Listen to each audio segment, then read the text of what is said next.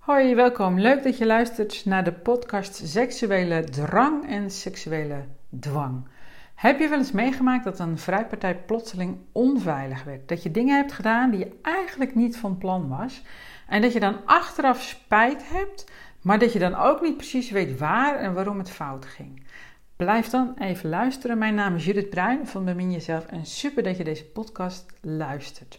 Dat je relatie belangrijk voor je is en dat je relatie goed wilt houden of misschien wel verbeteren.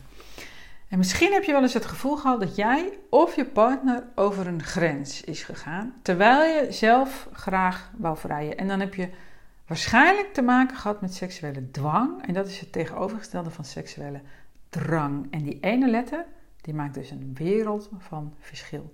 Je hebt seksuele drang en seksuele dwang. En dat zijn twee tegenover, tegenovergestelde. En het is heel belangrijk dat je het verschil en het ontstaan daarvan 100% helder hebt. Omdat seksuele drang gezond is, natuurlijk en gewenst. En seksuele dwang is het meest ongezondste en onnatuurlijkste wat je kan overkomen. En tussen seksuele drang en dwang die bevindt zich dus de grootst mogelijke spanningsboog. Um, bij kinderen kun je heel mooi die seksuele drang zien. Uh, ze worden voor het eerst verliefd, meestal in de puberteit. En um, dat vinden wij schattig. Hun, seksuele, hun seksualiteit ontwaakt. En het is ook allemaal nog heel onschuldig. Die natuurlijke seksuele drang die ze voelen. Uh, ze willen samen zijn, naast elkaar zitten, misschien elkaars hand uh, vasthouden. Als ze op de lagere school zitten, willen ze nog samen spelen en zo. En ehm, iets, iets ouder, dan willen ze samen chillen. En dit gaat allemaal nog in het openbaar, in een groep. En seksuele drang is eigenlijk het toegeven aan seksuele aantrekkingskracht zonder dat er meteen gevreden moet worden. Dat is natuurlijk ook eigenlijk belachelijk. Als je 12 bent, moet je daar toch nog niet mee bezig zijn, lijkt mij. Dus um, seksualiteit is natuurlijk een heel gezond en prachtig onderdeel van een relatie. En als de seksuele energie bij beide partners vrij stroomt, dan voel je intuïtief dat het opbouwen van een seksuele relatie om tijd, aandacht en zorgvuldigheid vraagt. Het opbouwen van een seksuele relatie, van een relatie, is iets precairs en zeer persoonlijks. En er komen behoeftes, verlangens en gevoelens, maar ook opgelopen schade van twee personen bij elkaar. En dat vraagt om afstemming, geduld en rustig ontsluieren. Er staat ook een podcast klaar over de zeven sluis. Kun je even luisteren wat ontsluieren precies is. Nou, wil je nou zo snel mogelijk seks om tot een orgasme te komen, dan neem je die tijd niet. En is er dus geen ruimte, geen tijd om op je eigen tempo te ontsluieren. En een vrij mens, waarbij dus geen sprake is van seksuele dwang, ehm, die heeft gewoon behoefte aan seks. Maar waar of, of, maar wanneer en, en hoe en in hoeverre die vervuld wordt, dat is gewoon minder belangrijk. Het gaat om het samen zijn, om de verbinding te voelen en om in verbinding te blijven. Het is dus voor een seksueel vrij, gezond mens met seksuele drang geen enkel probleem om bijvoorbeeld niet verder te gaan dan sluier 4. Zelfs als je gewend bent om all the way te gaan. Want elke vrijpartij is uniek en je kijkt per keer tot hoe ver je gaat. Dus bij seksuele drang ben je in staat om verantwoording te nemen voor je eigen seksualiteit en zul je dus nooit proberen iets af te dwingen. En dat gebeurt alleen als je last hebt van seksuele dwang.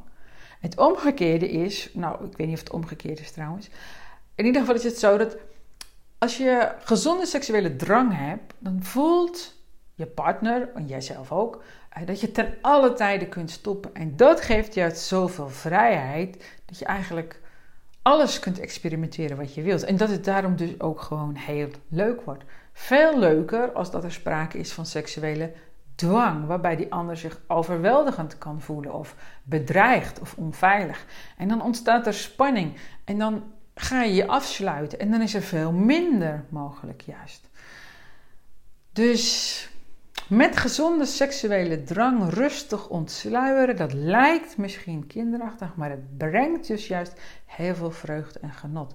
Ook als je al langer bij elkaar bent. Er opent zich gewoon een nieuwe wereld van sensaties en gevoelens als je het allemaal wat rustiger aan doet en het doel weghaalt. Want er valt nog zoveel te ontdekken als penetratie niet meer het doel van seks is. Een seksuele drang, dat maakt dus dat je toenadering zoekt. Dat is fijn. Uh, ook fijn voor de voortplanting. Maar ja, er zijn genoeg mensen op aarde ondertussen natuurlijk. En in de puberteit dan maak je eigenlijk een soort van definitief los van je ouders. En je ontdekt dat er een ander is. Een speciaal iemand, een ander iemand. Dus je, de verbinding met je vader en je moeder die wordt steeds een beetje minder. Er komt steeds een sluier tussen. En de verbinding met degene waar je verliefd op bent, als tweede is natuurlijk, die wordt hechter. En ben je nou op een natuurlijke manier uh, versluierd, uh, dan ontsluier je ook op een natuurlijke manier. Dan uh, neem je stap voor stap, neem de seksuele en emotionele intimiteit toe. Want op je twaalfde het risico nemen dat je over grenzen gaat of zwanger wordt, dat is eigenlijk natuurlijk een beetje te gek voor woorden, lijkt mij. Maar iedereen mag het helemaal zelf weten. En dit heeft dus ook niks met normen of waarden te maken, maar gewoon met een natuurlijk verloop van je seksuele ontwikkeling. En ja, als je wel seks wilt op je twaalfde, uh, dan is er vaak iets aan de hand. Je bent bijvoorbeeld door seksueel misbruik te vroeg ontwaakt. Of de bloemkracht, de onschuld van je vriendje of vriendinnetje is te vroeg geplukt, waardoor hij of zij een seksuele drang dwang, seksuele dwang terechtkomt en grensoverschrijdend gedrag vertoont. En als je je daar ehm, vanuit naïviteit of onmacht aan toegeeft, dan beschadig je dus niet alleen jezelf, maar ook die ander, want die is weer over grenzen heen gegaan. Nou, wanneer heb je nou te maken met seksuele dwang? Als je ten koste van alles seks wilt hebben. Dus normaal is het dat je hè, het enige wat je op je twaalfde wil is dat die ander naast je komt zitten. Dat die tegen jou lacht. Of zij. Je ziet, je hoort, begrijpt, accepteert. Je geniet gewoon van seksuele aantrekkingskracht. Daar ben je uh, door bij elkaar gekomen. Maar er moet niets. De seksuele drang is je natuurlijke vermogen om uiting te geven aan je seksuele kracht. En dat maakt ook dat je het spectrum van seksualiteit instapt, maar dan stap voor stap. De seksuele drang is het meest positieve wat je kan overkomen als je het over seksualiteit hebt. Want zonder seksuele drang kun je geen seksualiteit beleven en niet ontwikkelen. Als je geen verlangen voelt om Duits te leren, dan ga je dat ook niet doen. Uh, voel je geen verlangen om te leren, te leren mediteren, dan kun je wel op een kussen gaan zitten. Maar dat leidt uiteindelijk alleen maar tot frustratie. En um, Duits leren omdat het verplicht is, terwijl je geen verlangen voelt, dat leidt ook tot frustratie. En daar worden we wel toe gedwongen op school. Dus dwang leidt tot frustratie, tot ophoping van energie die onhoudbaar wordt en die vroeg of laat een uitweg vindt. En, en dat gaat meestal niet zo goed natuurlijk, dat kun je, kun je wel bedenken. En dwang, dat komt vanuit het ego. Dus iemand wil jou ergens toe dwingen omdat die tekort voelt bij zichzelf. Dat ego, wat elk mens heeft hoor, dat heeft nooit genoeg en dat raakt niet vervuld, niet volledig vervuld. Dus denk je in tekorten, dan is de kans groot dat je bang bent dat je behoeften niet vervuld zullen worden. En je denkt ook nog eens door opvoeding, eh, cultuur, ideeën, eh, wat je opdoet uit de media, dat die ander verantwoordelijk is voor jouw seksuele behoeftes, dat die ander ze moet vervullen. En dwang ontstaat dus vanuit een tekort, vanuit het niet in verbinding zijn met jezelf, met je eigen bron van seksualiteit, vanuit een beschadiging. En toegeven aan je eigen of andermans seksuele dwang, dat leidt niet tot bevrediging, maar tot pijn en frustratie. En het glijdt heel gemakkelijk door naar grensoverschrijdend gedrag. Seksuele dwang is de bottleneck van je relatie. Seksuele drang is dus heel gezond.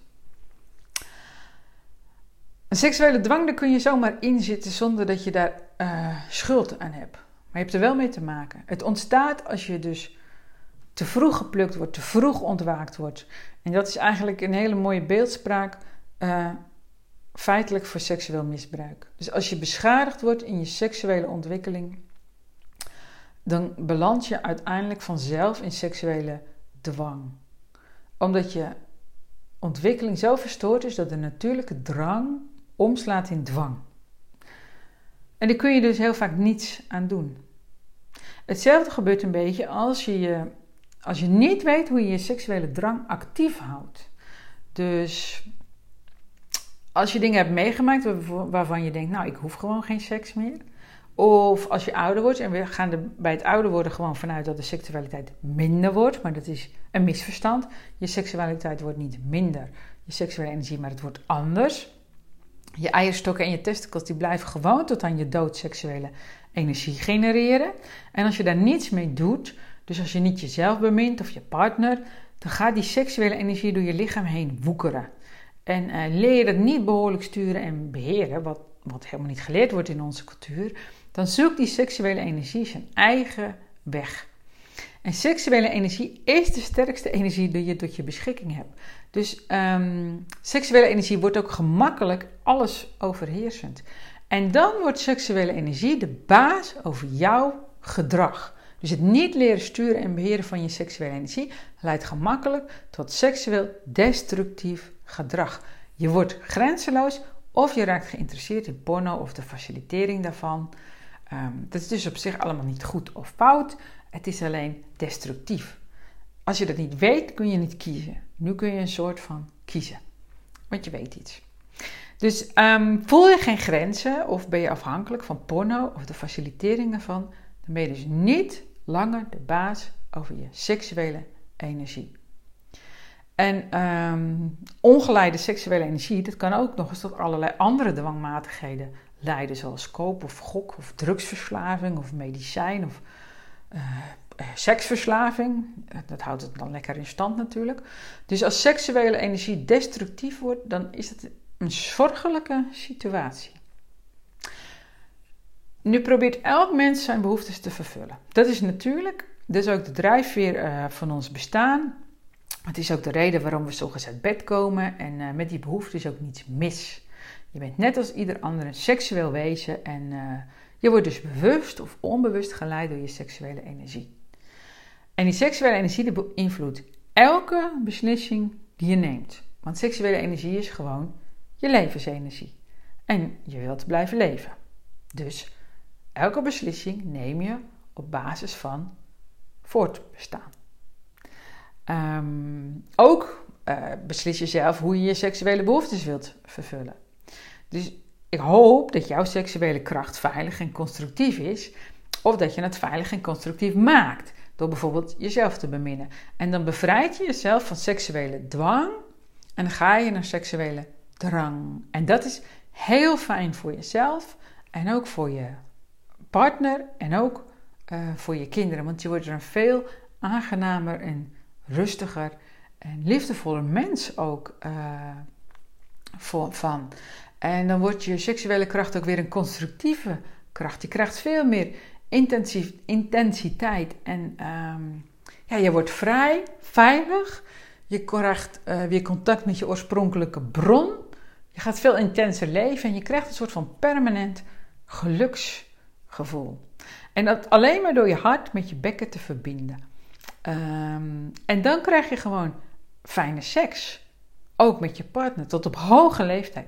En een stabiel en liefdevol gezinsleven. En misschien heb ik nu een verlangen aangewakkerd om je seksuele energie te gaan leren sturen en beheren. En te ontdekken hoe je tot op hoge leeftijd van seks geniet. Uh, hoe je je creatiekracht aanboort en hoe je heel intens gaat leven.